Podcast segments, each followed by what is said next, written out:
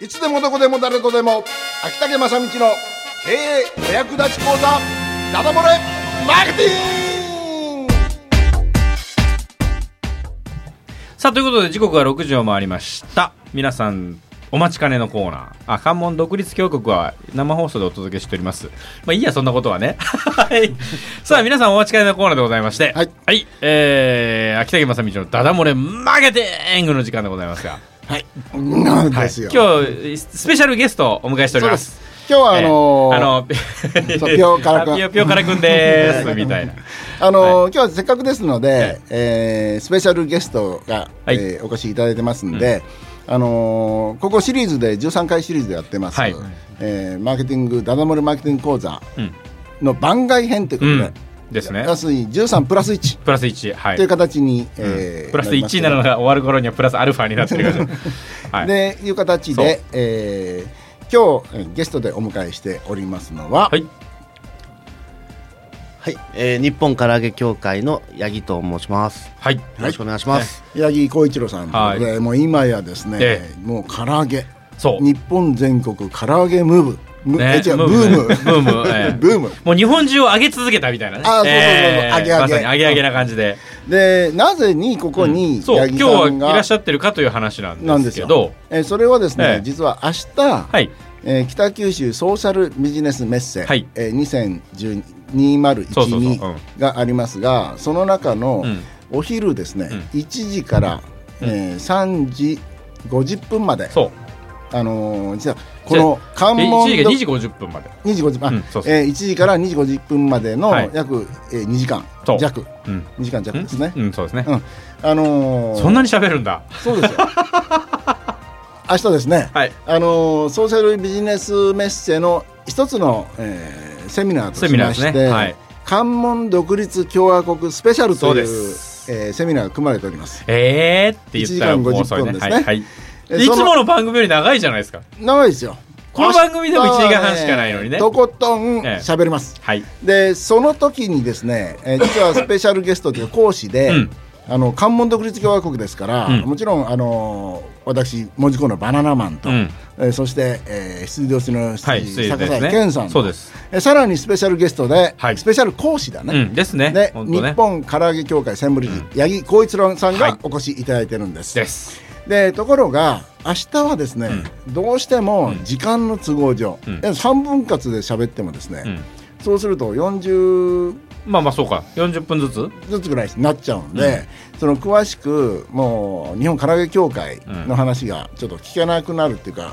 ちょっとボリュームが少なくなるんで,、うんうんでしかも明日はテーマがですねソーシャルビジネスですからそうですね。だからソーシャルビジネス全体としてのトライでお話ししますので、うんもっと唐揚げ協会の今までのことを知りたいというまさに方々のために、この急成長の秘密を。えええそうなんです2年半前ですかねそうですねうん。 2008年の10月から。 10月からそうですねえーいきなり突如立ち上がったペライチのホームページ、そう。ペライチって何え23枚あったっけまあ2枚。 2枚ぐらい。ペラそうペラ2のそう。ホームページから、今や、えー会員数1万人を誇る、うん1万人超え声。うんを誇る唐揚げミストを生み出し、うんそして、えーコンビニの店頭を見ればそうですよ。唐揚げいのくつ食べたこと か。がねねえ日本唐揚げ協会協会の監修のそう監修のあれ日本ですか日本ですかあ日本が。日本のはいなんかまあどっちでも。はい。えどうどう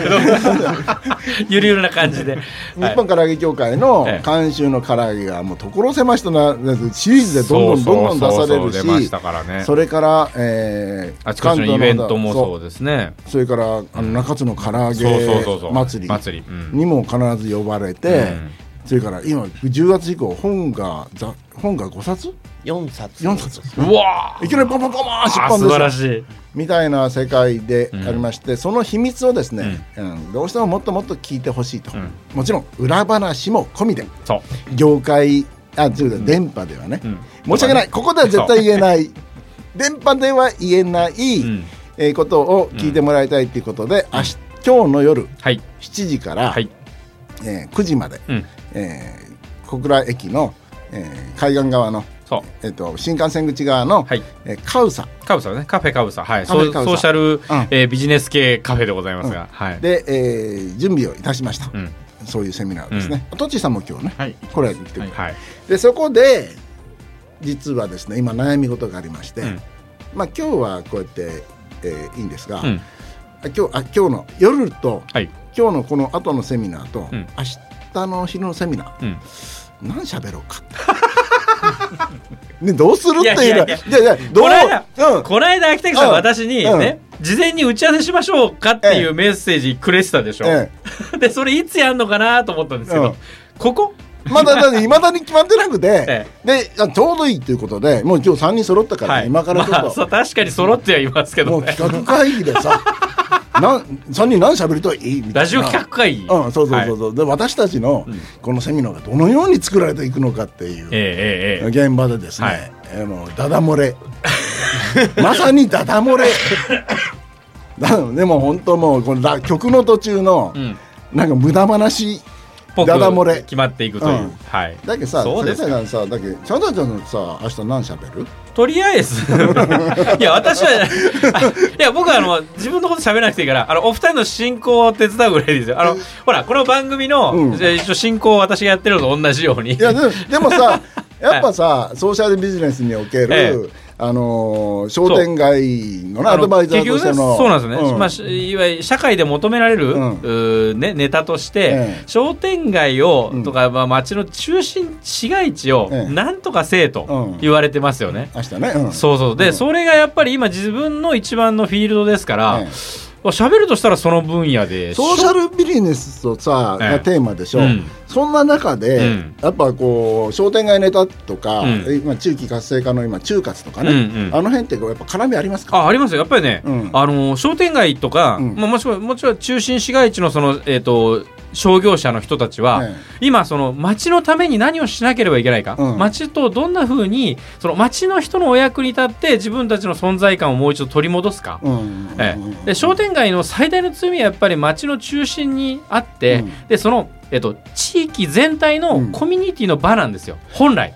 だからあんま町りですからね町、んもうねあれだね食とか、うんそれから古民家とかそんな問題じゃなくて、うもっとこうあ老人でああご老人であったり、例えばうんうんうん高齢者ね、うんであったりそれから子供たちの触れ合いとか、はいはいえそういう本当に街中のコミュニティそうそうそうそうそのコミュニケーション、ええ対話をどうそれが、えっとうんもっともっと円滑に行くためには、うんやっぱり街のどこかに、うんその中心的に人が寄ってくるとこが必要うなんその場作りを商店街はちゃんとしなければもううん物を売ってどうこうとかだけではなくて、えまあ、その街の本当の中心のうんセンターになりましょうよとうんいうところが求められてる最大のね。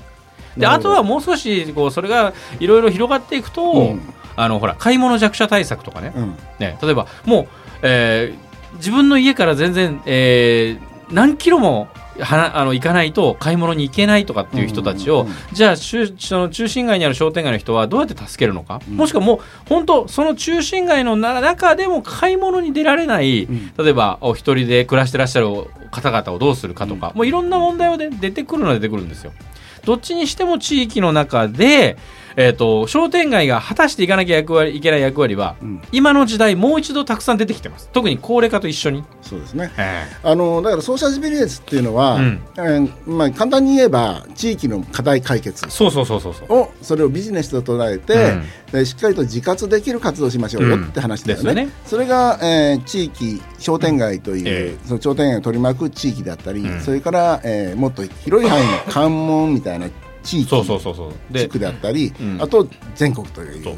でし話かなんもですよね。事業者もうんやっぱり支えてあげなきゃいけないじゃないですか、うんお互いに支え合う、うんそうなると今よく言われてる街の中でやってるわーっと人が来てにぎやかすいろんなイベントありますよね、うんうんその中でもいくつかが今後多分商店街の中心では、うんえっと残っていくべきイベントとしてねイベントっていうのはあるわけです、うん皆さんピンとくるかもしれませんけどね、うんそういうものがあー、まあ、作っていけるかどうかまあ、100円商店街が残そるかどううかね残るかとか、そううそう町コンが残るのかとか、い町コンは残りそうですね、や町コンが一番危ない危ないのああすみません断言しておきます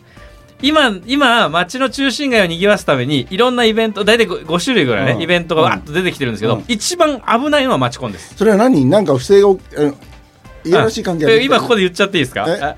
マチコンは何それマそチれ言っときますマよチコン嵐みたいのがいるのえーそんなそんな問題じゃなくて、うんえーもうスキーム上、うんマチコンが一番早く消える可能性がある、えそれは資金的な問題でうん、資金は回ります、あそうえあそうまあそれはまあじゃああさってのねあさってのは雑談の中でねーえーまあそれいいですよね、えーだからほんもうほんとね、うんあのマチコンはね危 険明日のね明日ですじ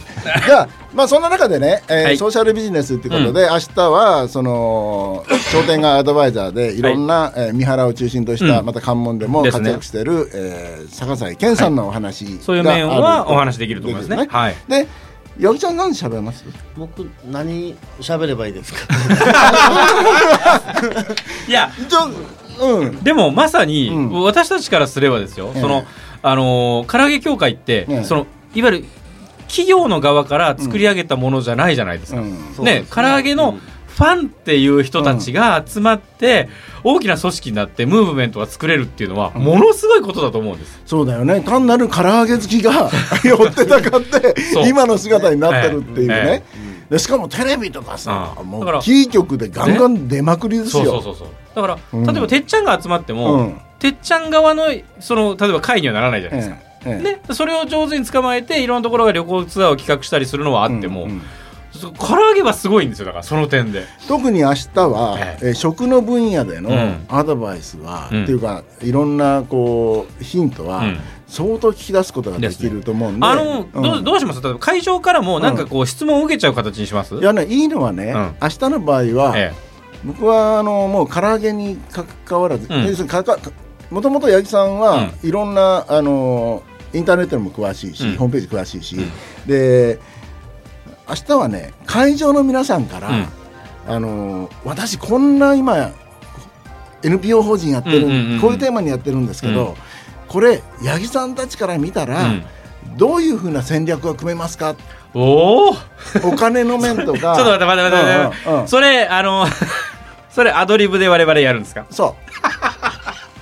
う。やっちゃいましょう。だって明日のタイトル は、だって関門独立共和国のスペシャルで、はい、ソーシャルマーケティング実践法というタイえトルなのよ、ーまあまあそうですねで、さっき気がついたん よ。さっき、あの、え、そんな、だ大大それたタイトルだったのってことで、でもえ、で本当もにちょっ実、とじちょっとあのディレクターもう一回パンフレット持って きて、いや本当実、ええだから実践法を、うんあのーもう実際に自分たちもやってることいっぱいあるんですが、うんうんうん私たちのやった経験上のそうで範すね囲ではうん十分にこういうことは可能だと思えるっていう戦略立案、うんプランニング、はいえーそこをもう本当に紙に落とせばこれをポンとこう出せるぐらいまで、うんえー2時間ですから多おー分3つ4つは可能だと思うんですよ。ですね、戦略なんてそんな時間かかりませんから。うんそして、ううんんそこで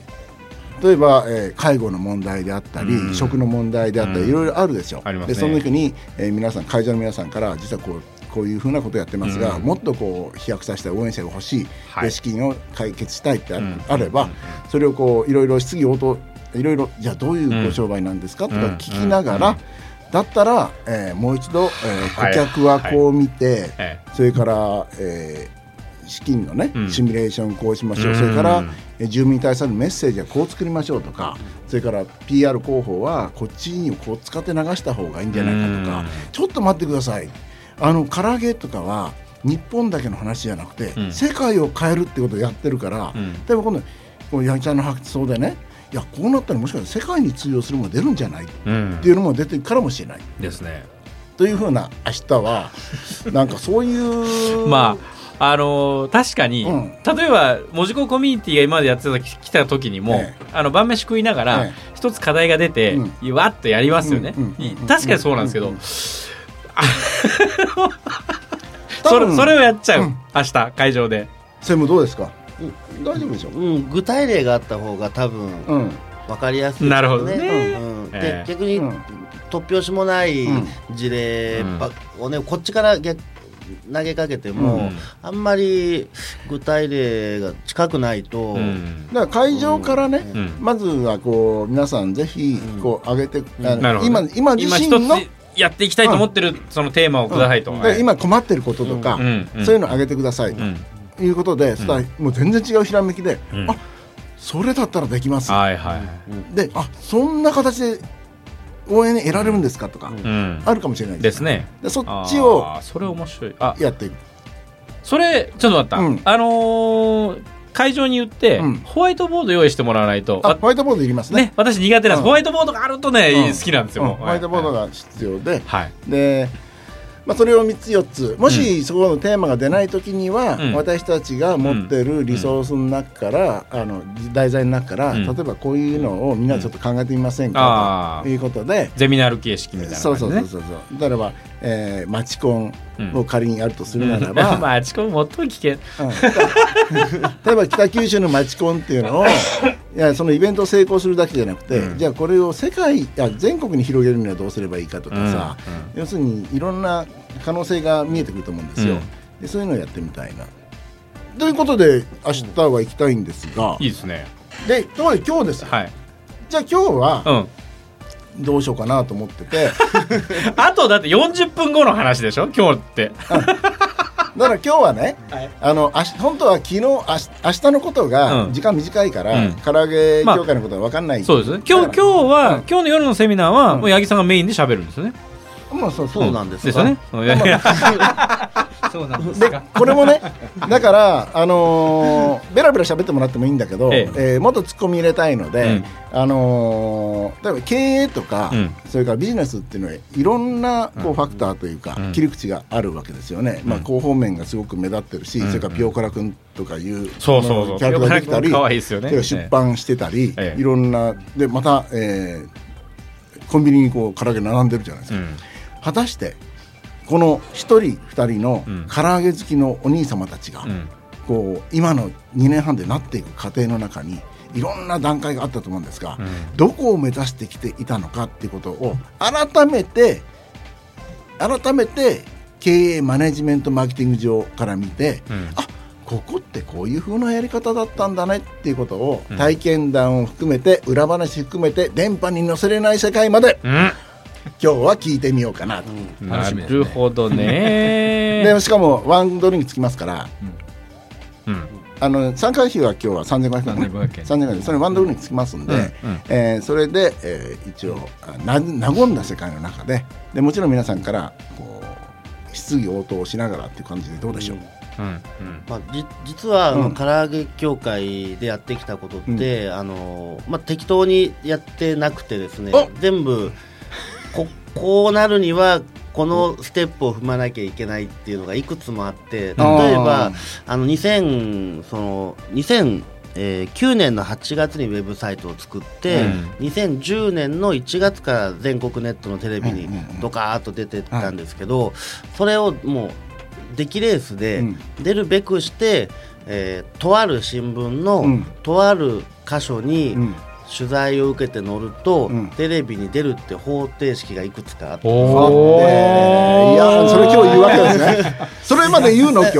えーと流れでなんか流れの中でね、ははいいはいはいでその書いてる記者さんを見つけてうん紹介してもらったりとか、あのもうすげえ。もうちゃんとテレビに出るための戦略を仕掛けた上での今に至るなので今普通だったら私たちはこの番組えでーファックスを書いて、えでーマスコミリリースしましそうそょうそううってっていう記者に来てもらいましょうって話なんだけど、えもうねその上を言ってあ の今八木ちゃんのことをすごい世の中では俯瞰の帝王と言ってるん ですよはい世の中を世界をこう上上かからら見て見て、こう構築していける駒とをいう。動かすようなはい。でも今の発言はね、はい今日も私のフェイスブックに質問が来てましたうんあの唐揚げ協会さんって会長知ってますけど、うん唐揚げ好きなお兄さんがやってたらこんなんなっちゃったって世界なんですけど、うんえそんなにもともと戦略があって目立つ姿があったんですかって